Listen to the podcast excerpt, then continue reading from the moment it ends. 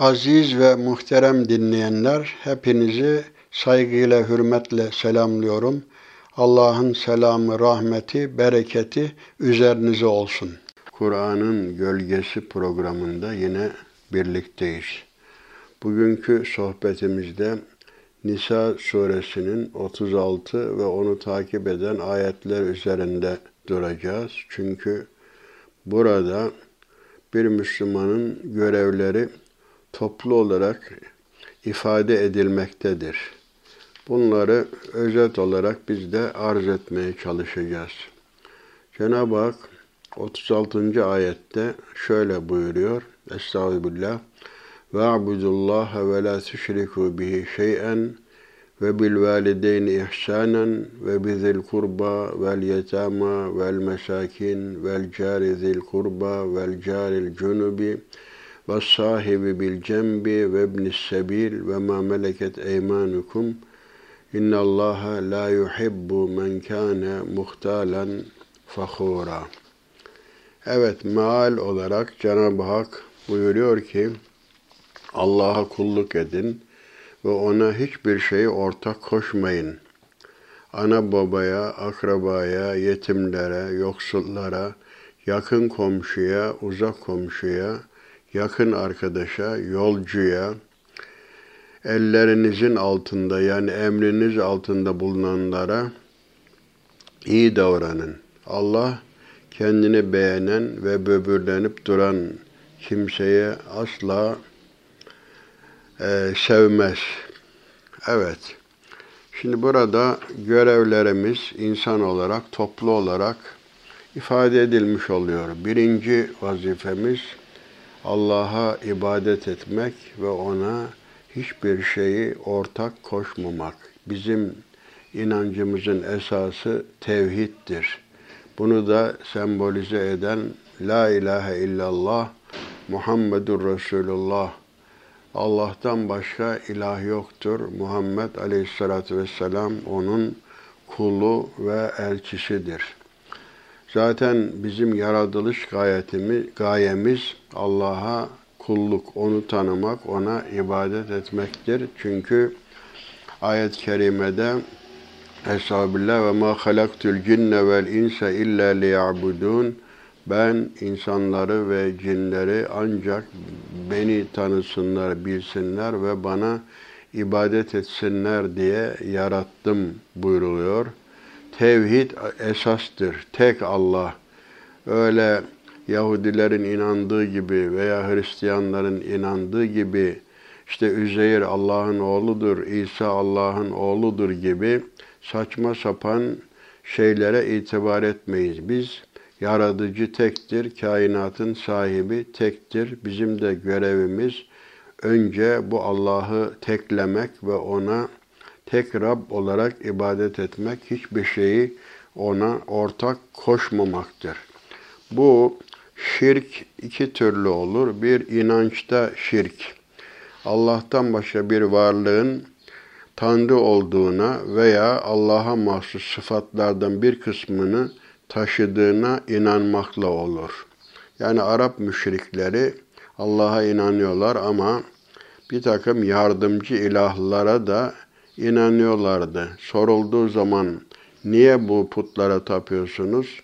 Onlar da cevaben diyorlardı ki مَا نَعْبُدُهُمْ اِلَّا لِيُكَرِّبُونَ اِلَى اللّٰهِ زُلْفَى Biz onlara ancak bizi Allah'a yaklaştırsınlar diye tapıyoruz diye cevap veriyorlardı. Allah'ın bu şekilde aracıya ihtiyacı yoktur. Çünkü biz Fatiha suresinde hep İyyâke nâbudu ve İyyâke nestaîn sadece sana ibadet ediyor, sadece senden yardım diliyoruz. Üdûni estecib leküm, bana dua edin ki icabet edeyim.'' Siz nerede olursanız olun Cenab-ı Hak sizinle birliktedir. Onun için şirk koşmak e, asla olmaz ama maalesef insanların çoğu da Allah'a şirk koşarak iman ediyorlar. Yusuf suresinde bu gerçek ifade ediliyor. Bu ikinci kısım şirk amelde şirk oluyor. ibadeti ve kulluğu Allah'a tahsis edip yalnız onun için yapacak yerde başka varlıkları da ona ortak kılmakla gerçekleşiyor. Bu şirk, gizli şirk var, işte aleni şirk var. Bunlar ayetlerde kınanan işte kibir, cimrilik, gösteriş yapma duygusu bu şirkin izlerini taşıyor. Evet demek ki pür, net olarak Allah'a ibadet edeceğiz. Görevimiz budur. Çünkü saygıya, ibadete en layık odur. Varlık sebebimizdir çünkü. Bu kainatı yaradan, bütün bu nimetleri önümüze seren Cenab-ı Hak'tır. Ona teşekkür babında e, ona kulluk yapmamız lazım, itaat etmemiz lazım. Secdeyi, rükûyu, işte ibadeti ona tahsis etmek ve bütün yaptığımız işleri onun rızasını gözeterek yapmak kulluğun özüdür.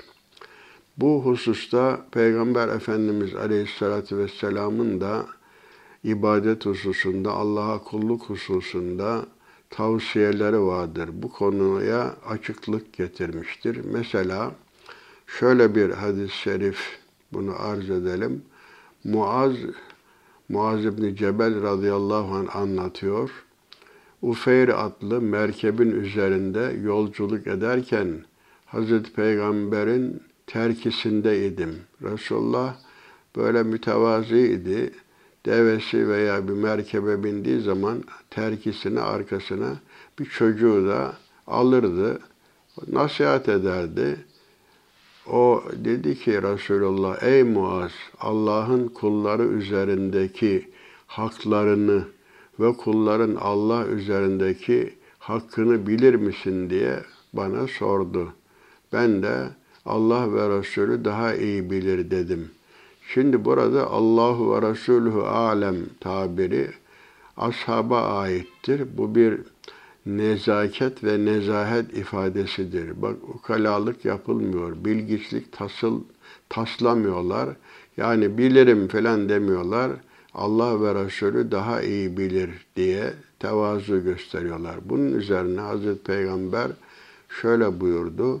Allah'ın kulları üzerindeki hakkı Allah'a kulluk e, yapmaları, ibadet etmeleri ve ona hiçbir şeyi ortak koşmamalarıdır. Demek ki Allah'ın hakkıdır bu.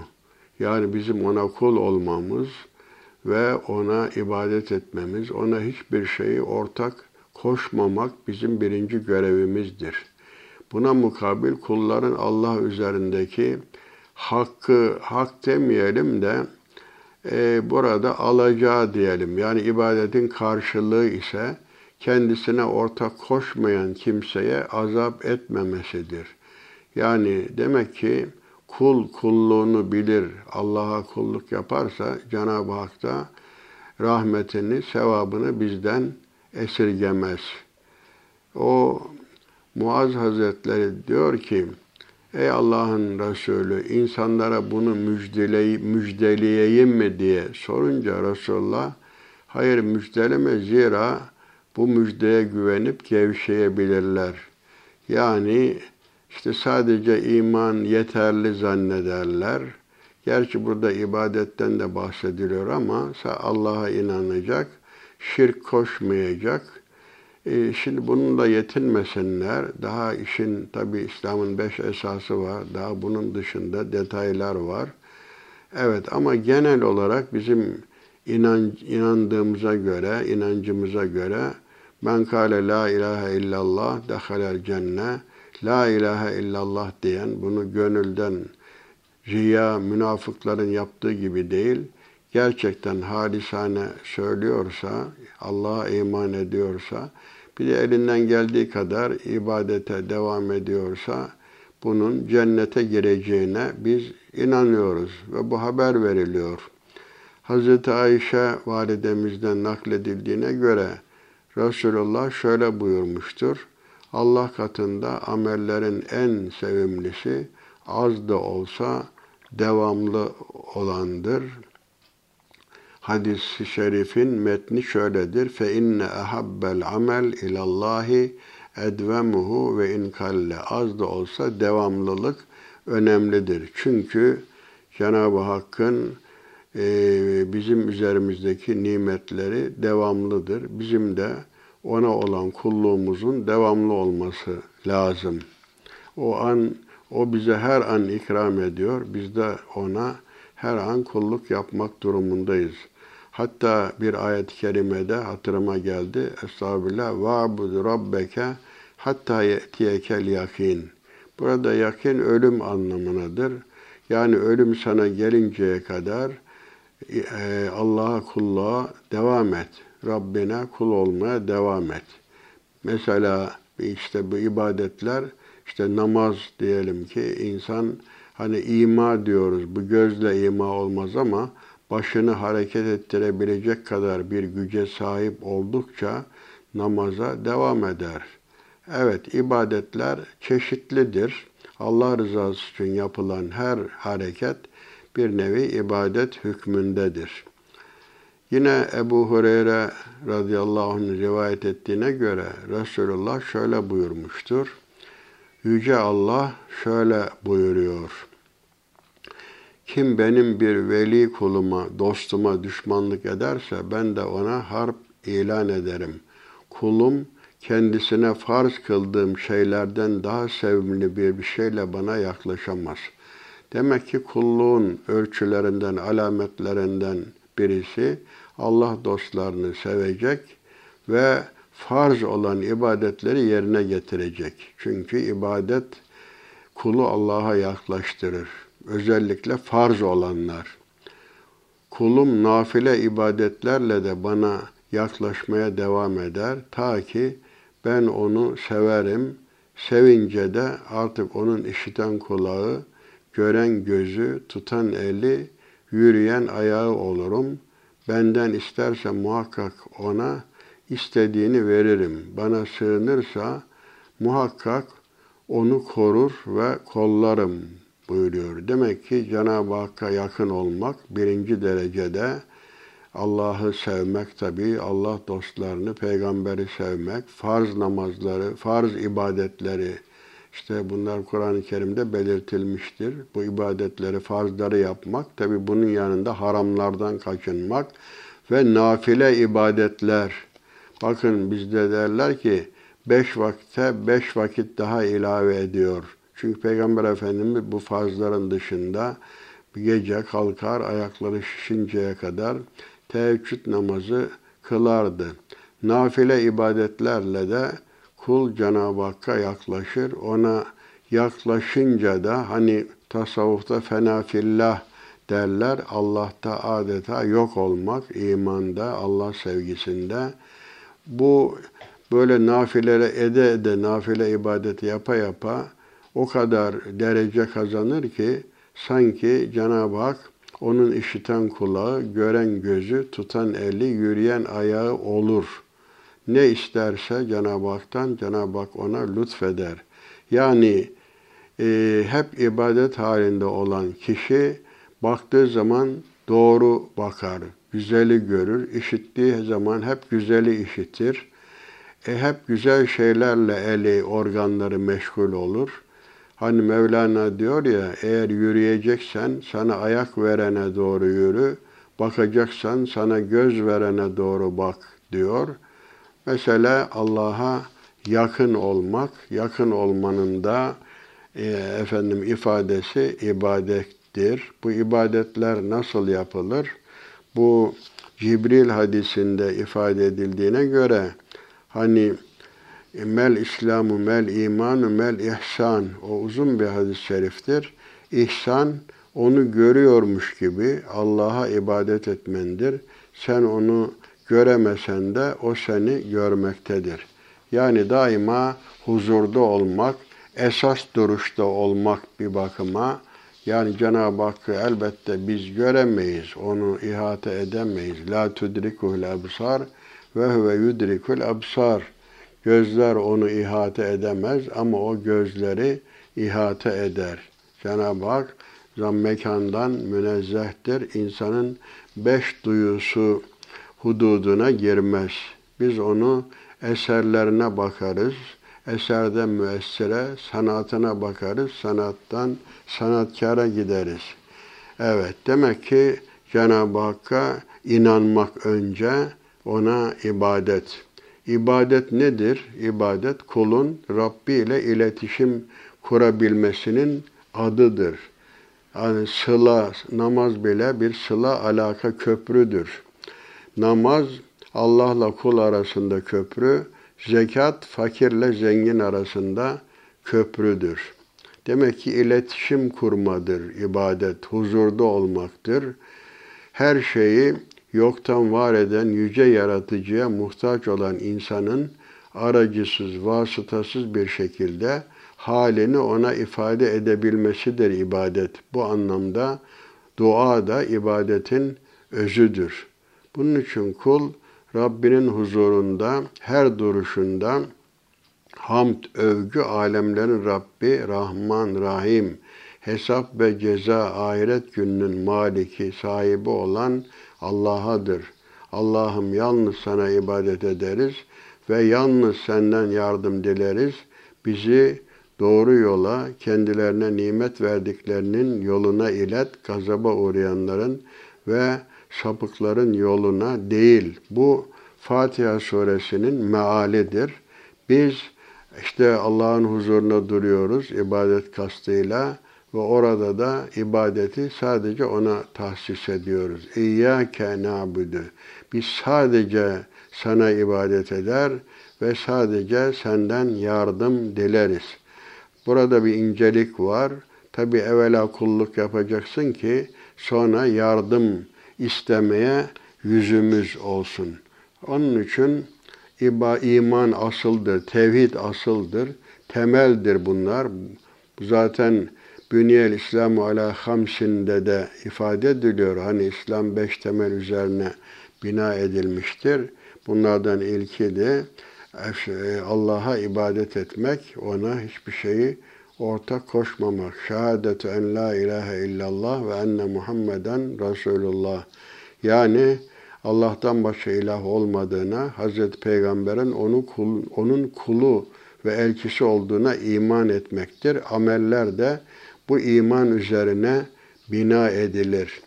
Bu çerçevede kulun imanını muhafaza etmesi ve yaşamasına aktarması, hayatını aktarması için ibadette devam etmesi gerekir.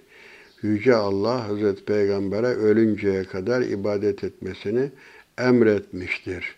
Hani vabud rabbeke hatta yetiyekel yakin ayetinde ifade edildiği gibi demek ki Allah katında amellerin en sevimlisi az da olsa devamlı olandır. Yani biz ölünceye kadar e, son nefesimize kadar hep Cenab-ı Hakk'a ibadet edeceğiz. Evet, ibadetin müminin kimliğinin inşasında vazgeçilmez bir rolü vardır. Zira ibadet insanı beşeri zaaflardan arındıran, irade ve sabrı öğreten, kişiyi disipline eden, özelliğe sahiptir. İbadetler her ne kadar belli kişisel davranışlardan ibaret gibi görünse de bu şekillerin altında itaatin, bağlılığın özü gizlidir. İbadet kişiyi benlikten, kibirden, bencillikten, kul olmaya engel olan her türlü vehimden, haset, israf, ihtiras, cimrilik ve benzeri kötü duygu ve düşüncelerden arındırır. İbadet insanı her türlü kötülüğe düşmekten ve kötülük yapmaktan koruyan bir kalkandır. İnne salate tenha anil fahşai vel münker. Bu ayet-i kerimeyi biliyoruz. Namaz insanları her türlü kötülükten ve hayasızlıktan e, muhafaza eder.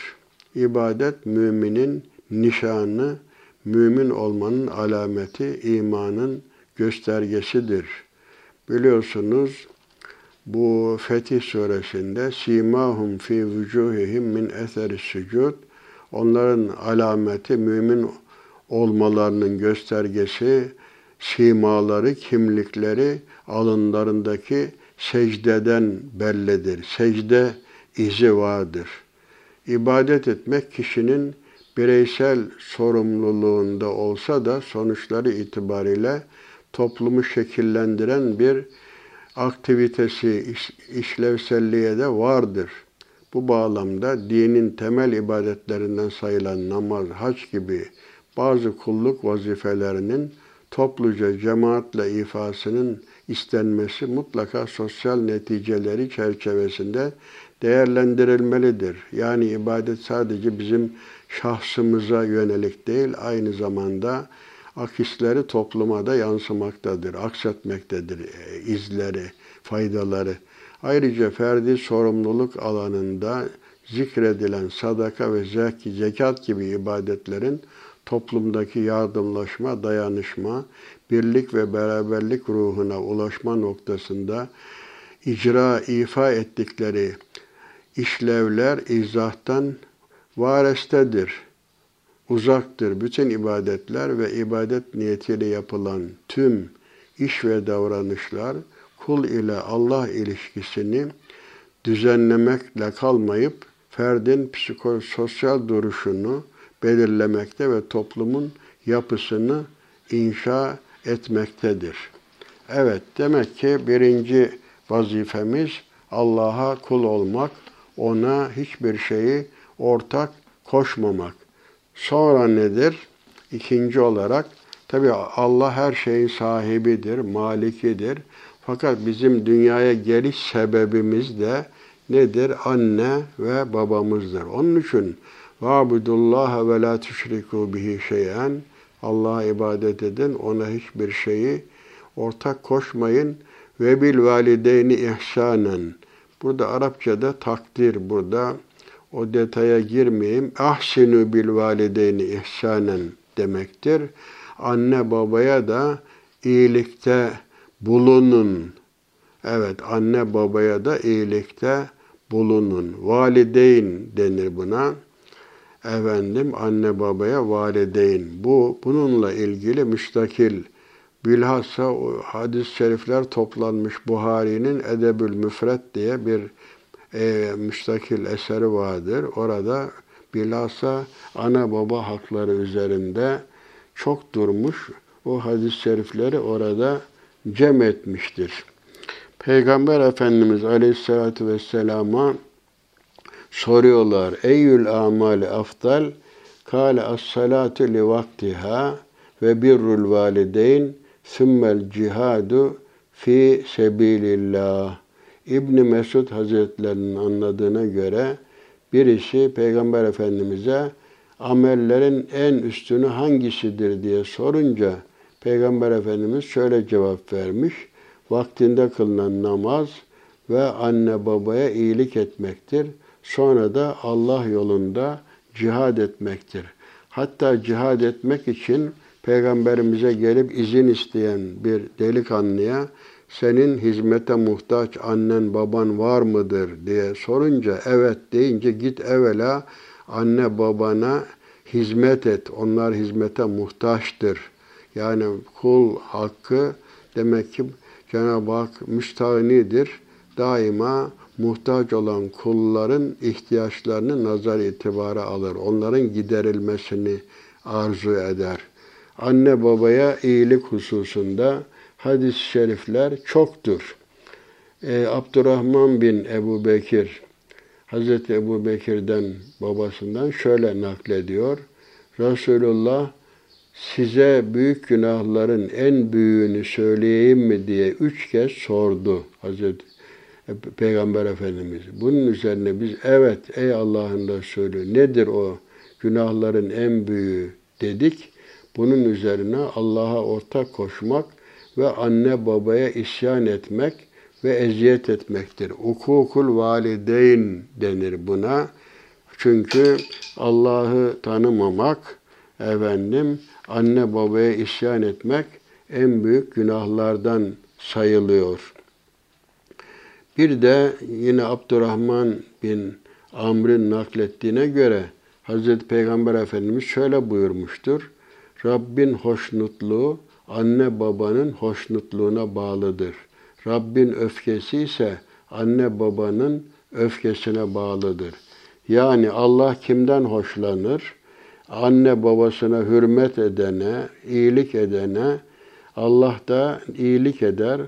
Anne babasını seveni Allah sever. Anne babasını öfkelendirene Allah da öfke duyar. Onun için Allah'ın rızası anne babanın rızasına bağlıdır. Onun için Peygamber Efendimiz cennet el cennetü tahte akdamil ummahat. Cennet annelerin ayakları altındadır. Yani onların rızasına bağlıdır buyuruluyor. Ebu Hureyre radıyallahu anh de yine bir adam Allah Resulüne gelerek ey Allah'ın Resulü kendisine güzel davranıp yakınlık göstermemi en çok kim hak eder diye sorunca Peygamber Efendimiz annen cevabını vermiş.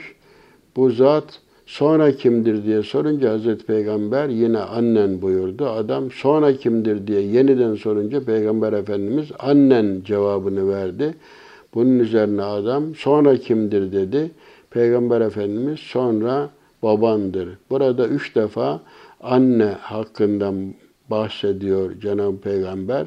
Dördüncü, çünkü anne hameletu ummuhu vehnen ala vehen sıkıntı içinde, sıkıntı üzere onu karnında taşıyor. Evet, karnındayken kanını, e, hayattayken canını, öldükten sonra malını yiyor. Onun için annelik büyük bir duygudur. Bu hayvanlar aleminde de görüyoruz. Yani bu anne merhameti doğrusu böyle çok insana heyecan veren, göz yaşatan bir tablo arzu ediyor o onların davranışları. Ebu Derda'nın işittiğine göre Resulullah şöyle buyurmuş. Anne baba kişinin cennete girmesine vesile olacak ana kapılardan birisidir. Bu kapıdan girme fırsatını kaybetmek ya da değerlendirmek artık senin arzuna kalmıştır. Yani kim cennetin kapısından içeri girmek isterse anne babanın da rızasını almak durumundadır. Evet, anne baba bedduası da bu çok tehlikeli. Biz bunu hayatta görmüşüzdür. Tecrübeyle sahip, e, sabittir. Ana baba bedduası alanlar asla iflah olmamışlardır. Yani bir Allah hakkı, bir de ana baba hakkı. Baba da evin geçimini sağlar, o da e, onun evin direğidir. Onun için babası ölenler yetimdir insanlar arasında, hayvanlar arasında da anası ölenlere yetim denir. Çünkü bunlar bizim dünyaya gelmemize vesiledir. Ana hakkıyla ilgili bir hadis bir hadis-i şerif hatırıma geldi. Şimdi bir gün bir zat annesini sırtına almış, Kabe'yi tavaf ediyormuş.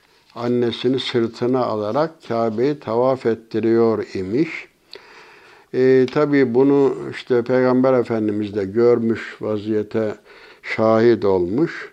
O zat demiş ki ya Resulallah bak annemi ben sırtımda taşıyarak tavaf ettiriyorum.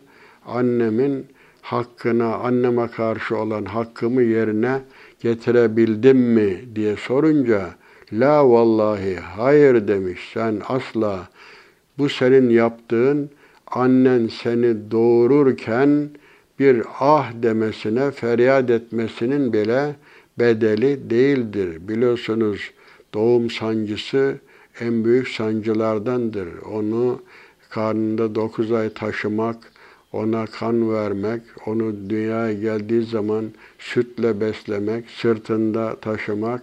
Yani e, baba da öyledir.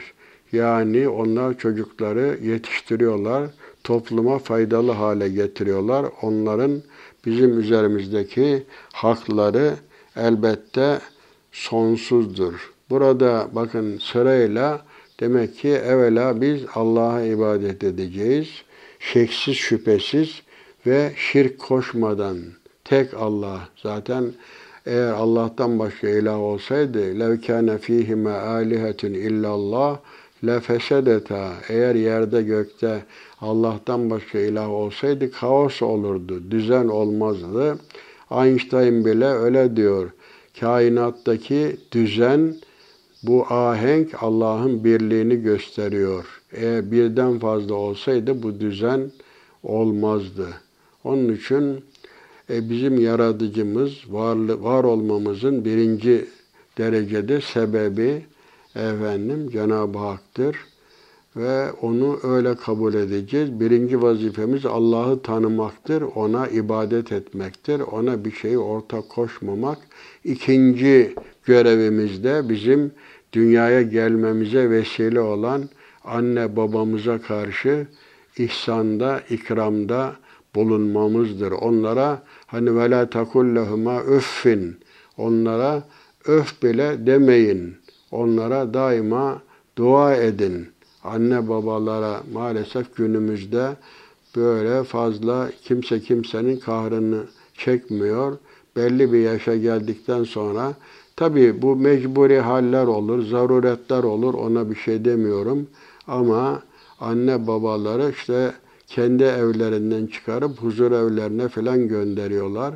Asıl olan e, nasıl efendim bir kuş yavrusunu yuvasında büyütüyor. E, anne baba da bizi kendi yuvasında büyütüyor, işte kuşlar. E, anne baba da bizi evinde, bizim yuvamızda bizi büyütüyor. Biz de onları, onlar bizi yuvadan atmadığı gibi biz de onları yuvadan atmamalıyız. Mümkün mertebe onların duasını almak durumundayız. Evet. Sonra bu görevler devam ediyor. Anne babaya iyilik yapmak. Ondan sonra yakın akraba. Bu yakın akrabaya bunlar nedir?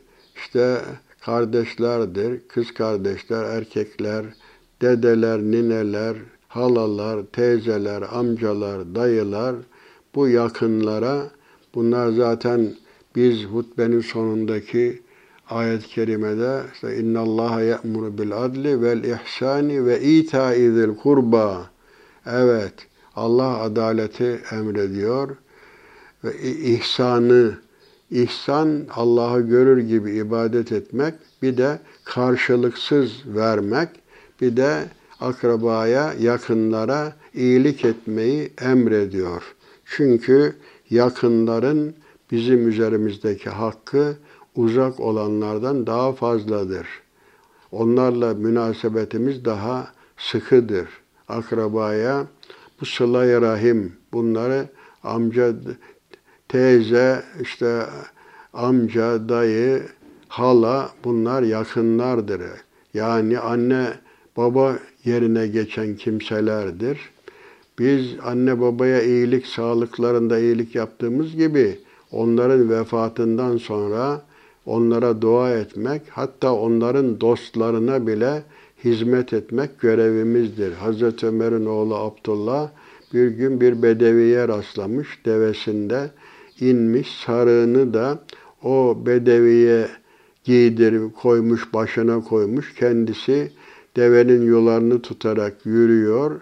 O bedeviyi de deveye bindirmiş. Bunu görenler demiş ki, Ey Abdullah bu kimdir bu bedeviye niye bu kadar itibar ediyorsun?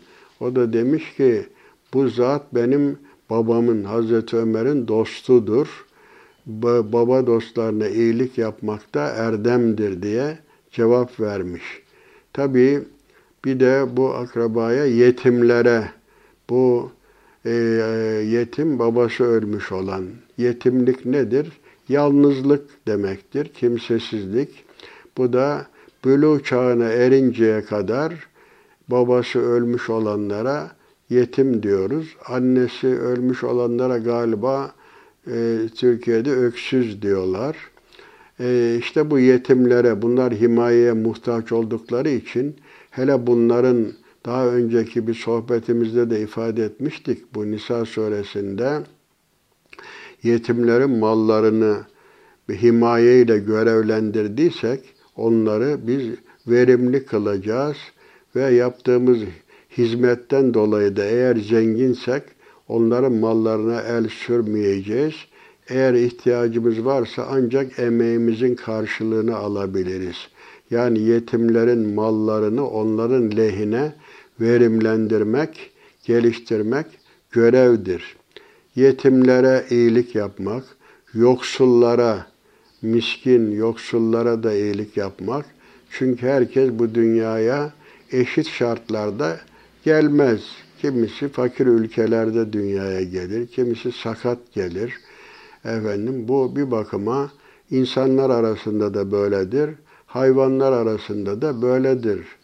Varlıklı yaşayanlar, yoksul yaşayanlar vardır.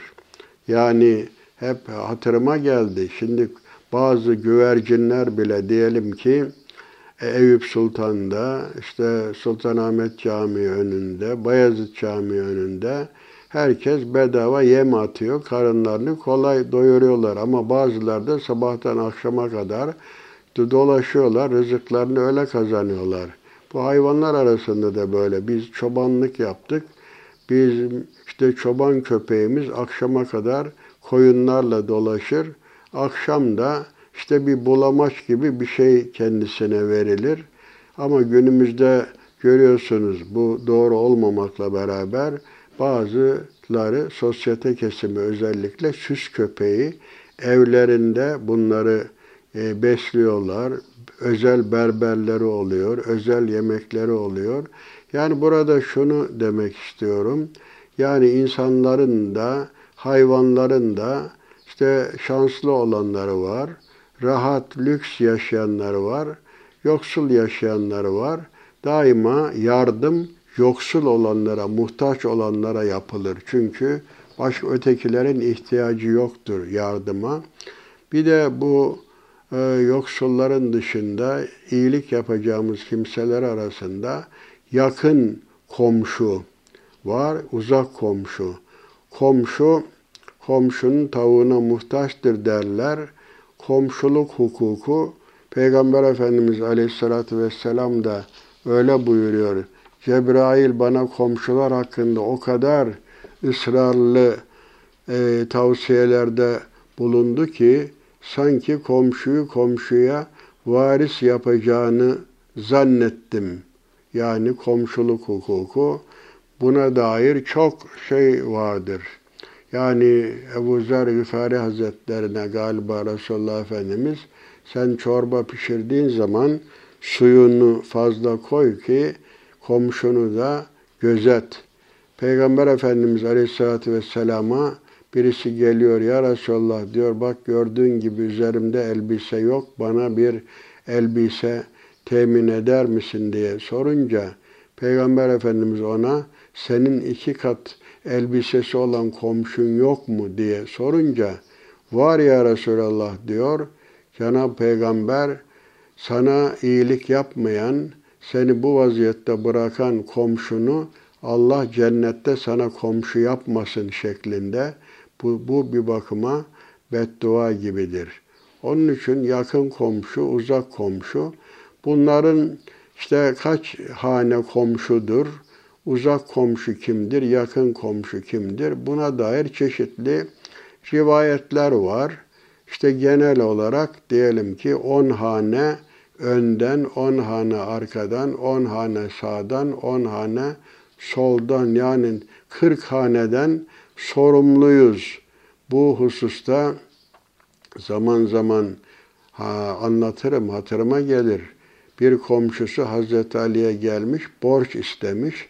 Hazreti Ali de başlamış ağlamaya. Demişler niye ağlıyorsun ya Ali? Yani ben ne kötü komşuyum ki komşunun halini sormam lazımdı. Onu benden borç isteme zorunda bırakmamak, bırakmamam gerekirdi diye. Onun için komşulara eziyet etmek. Çünkü bir kadından bahsediliyor Peygamber Efendimiz'e. Ya Resulallah filan kadın işte gündüzü oruçla geçiriyor, geceyi namazla geçiriyor ama komşusuna eziyet ediyor deyince la hayra fiha fe inneha fi cehennem onda hayır yoktur o cehennemdedir buyuruyor. Demek ki Allah'a ne kadar kulluk yaparsanız yapın, eğer insanlara eziyet ederseniz Allah'ın rızasına nail olmak mümkün olmuyor. Yakın komşu, uzak komşu.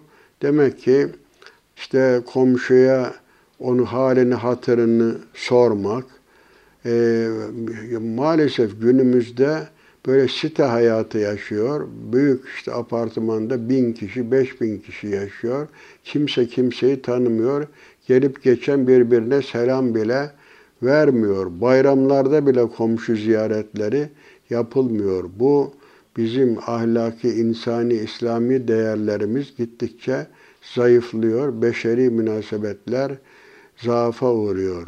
Yakın komşuya da ikram edeceğiz. Halini, hatırını soracağız. Nasihat istediği zaman nasihat edeceğiz. Borç istediği zaman borç vereceğiz.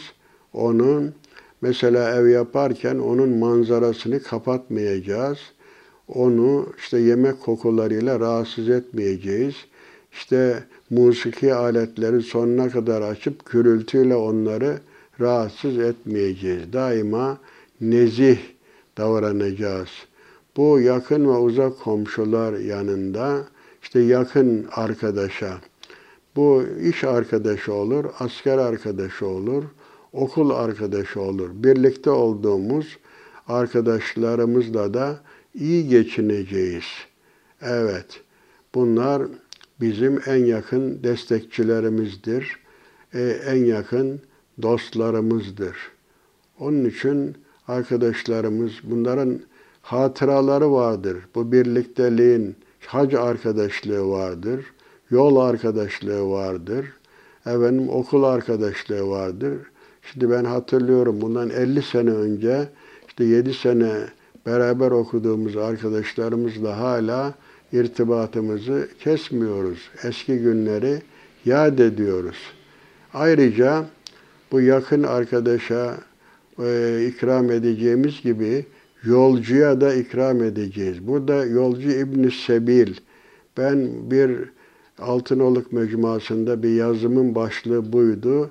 Yolun çocukları. İbn Sebil yol oğlu demek. Şimdi bunlar günümüzde özellikle mülteciler, bunlar yardıma en çok muhtaç olan insanlardır. Maalesef bu İslam aleminin en büyük ayıbıdır. Özellikle bu Cenab-ı Hakk'ın kendilerine bol petrol verdiği o zengin Arap ülkelerinin bu Müslümanların gavur ülkelerine hicret etmek zorunda kalmalarından hiç utanç duymuyorlar. Onları aç bırakıyorlar. Kazanılan petrol paralarını onları iktidarda tutan efendilerine veriyorlar. Fakat Müslümanlara maalesef böyle el uzatmıyorlar. Sadece sahip oldukları servetlerin zekatlarını Müslümanlara dağıtsalar, Müslümanlar bu halde olmazlar. Bu terör hadiseleri de olmaz. Hani mümin müminin kardeşidir. Komşusu açken tok yatan bizden değildir hadis-i şeriflerini. Bunlar niye hatırlamıyorlar? Yani Müslümanı gavura muhtaç etmek doğrusu fevkalade ayıptır. Hatta bu ahirete inanmayanların vasıfları anlatırken وَلَا يَهُذُّ عَلَى طَعَامِ miskin Yani yetimi doyurma, bir insan doyuramıyorsa doyurmaya aracı olacak. Teşvik etmiyorlar. Yoksulu doyurmaya, yetimi, yoksulu doyurmaya teşvik etmiyorlar. E hem bunlar Müslüman geçiniyor hem de Müslüman yoksulla, açlarla, sefirlerle ilgilenmiyorlar. Bunun Müslümanlıkla ilgisi yok. Ayrıca ellerinizin altında bulunanlara iyi davranın. Yani eskiden bunlar köleler, cariyeler idi. Bugün kölelik, cariyelik söz konusu değil. Bizim himayemizde olan özellikle çalıştırdığımız işçiler, efendim bizim işimizi görenlere de iyi davranacağız. Nasıl iyi davranacağız? Böyle patronluk taslamayacağız. Onlarla beraber kendimizi eşit göreceğiz. efendim onların çok lüks arabalarla böyle konforlu bir hayatla onların öfkesini celbetmeyeceğiz. Yediğimizden yedi- ye- yedireceğiz, giydiğimizden giydireceğiz. Hak ettikleri ücretleri yani alın teri e, atul ecira ecrahu kable en yeciffe arakuhu hadis-i şerif biliyorsunuz. Çalışanın emeğinin karşılığını alın teri kurumadan verin buyruluyor. Bunlarda da insaflı, ölçülü olmak lazım ücret tayininde. En ideal. Şimdi işçiler işte her sene sözleşme yapıyorlar, grev yapıyorlar, işte patron, patronlar grev yapıyorlar, kimisi lockout ilan ediyor. Zorla yani hak alın verilmez alınır. Bu felsefe yanlıştır. Hak verilir daima. Ne verilir?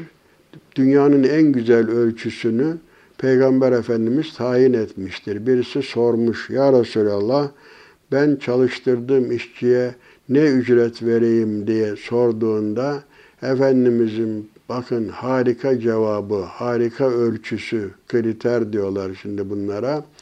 Kendini o işçinin yerine koy. O işi sen kaça yaparsan çalıştırdığın işçiye de aynısını ver. Zaten bir insan kendisi için istediğini başkası için istemedikçe gerçek mümin olamaz. La yuhib, la yu'minu ahadukum hatta yuhibbe li ahihi ma yuhibbu li nefsihi. Bu Peygamber Efendimiz buyurmuş. Hatta İncil'de de buna benzer bir ifadeye rastladım. Sizden biriniz kendisi için sevdiğini, kardeşi için de sevmedikçe gerçek mümin olamaz. Bunun tersi de olur. Kendisi için istemediğini başkaları için de istemeyecek. Daima iyilik yapacak. Efendim, mütevazi yaşayacak. Allah kendini beğenen ve böbürlenip duran kimseyi asla sevmez. Gönlünde zerre kadar kibir olan cennete giremez buyuruyor Peygamber Efendimiz. Büyüklük Allah'a mahsustur. Günde biz ezan, kâmet vesaire böyle yüzlerce defa müezzin yukarıda Allahu Ekber yani bu bize tevazuyu hatırlatıyor. Siz kimsiniz? Siz durun bakalım. En büyük Allah'tır. Siz büyük değilsiniz. Büyük olan Allah'tır. Onun için bu mesaja iyi kulak vermek lazım. Kendini neyimizi beğeniyoruz ki? Biz zayıf, aciz insanlarız. Kibirlenmeye, böbürlenmeye, kibirlendi bak. İblis kibirlendi, Allah'ın emrini tutmadı, Adem'e secde etmedi, lanete uğradı. Şeytan racim, taşlanmış, kovulmuş hale geldi. Onun için men tevada lillahi rafa'ahullah ve men tekebbere vadaahullah. Kim Allah için mütevazi olursa Allah onu yüceltir. Kim de kibirlenirse Allah onu alçaltır. Onun için daima bu gök kubbenin altında haddimizi bileceğiz. Daima mütevazi yaşayacağız Azamet ve kibriye Allah'a mahsustur. Yani bu kibirli olanlar, bunlar cimrilik eden ve insanlara da cimriliği tavsiye eden, Allah'ın kendilerine lütfundan verdiğini gizleyen kimselerdir. Yani فَاَمَّا بِنِعْمَةِ رَبِّكَ فَحَدِّسْ Allah'ın sana verdiği nimeti de tahdis et, hatırla, söyle. Allah verdiği nimeti kişinin üzerinde görmekten hoşlanır buyruluyor. Onun için nankörlük yapmamak, daima şükür halinde bulunmak, cömert olmak. Bak cömertlik hususu da fevkalade önemlidir. Cenab-ı Hak bize karşılıksız veriyor. Evet, cevvadun kerimun, kerem sahibidir. Mümin de öyle olmak durumundadır. Bir hadis-i şerifi hatırladım. Ee, cömert olan cahil, cimri olan sofudan Allah katında daha makbuldür, daha hayırlıdır buyruluyor. Onun için vermenin zevki diye bir yazı yazmıştım. Gerçekten vermenin zevki almanın zevkinden fazladır. verdiğiniz zaman hani bir filozof diyor ya mutlu olmak istersen iyilik yap. Daima verdiğin zaman içinde bir ferahlık oluyor. Karşı tarafında gönlünü kazanmış oluyorsunuz. Evet. Biz kafirler için alçaltıcı bir azap hazırladık buyuruyor. Şimdi bugünkü sohbetimizi özet olarak efendim burada bu Nisa suresinin 39 ve onu takip eden ayetlerde bizim görevlerimiz toplu olarak ifade edilmiş oluyor. Bunlar nedir? İşte Allah'a kulluk edin, ona hiçbir şey ortak koşmayın, ana babaya, akrabaya, yetimlere, yoksullara, yakın komşuya, uzak komşuya, yakın arkadaşa, yolcuya, himayenizde bulunanlara iyi davranın. Allah kendini beğenen ve böbürlenip duran kimseyi asla sevmez. Bunlar cimrilik eden ve insanlara da cimriliği tavsiye eden, Allah'ın kendilerine lütfundan verdiğini gizleyen kimselerdir. Biz kafirler için alçaltıcı bir azap hazırladık buyruluyor. Cenab-ı Hak'tan niyazımız burada anlatılan görevleri hakkıyla yerine getiren ve böylece dünya ahiret saadetine eren kullarından eylesin diye niyazda bulunuyor. Hepinizi Cenab-ı Hakk'ın himayesine emanet ediyorum.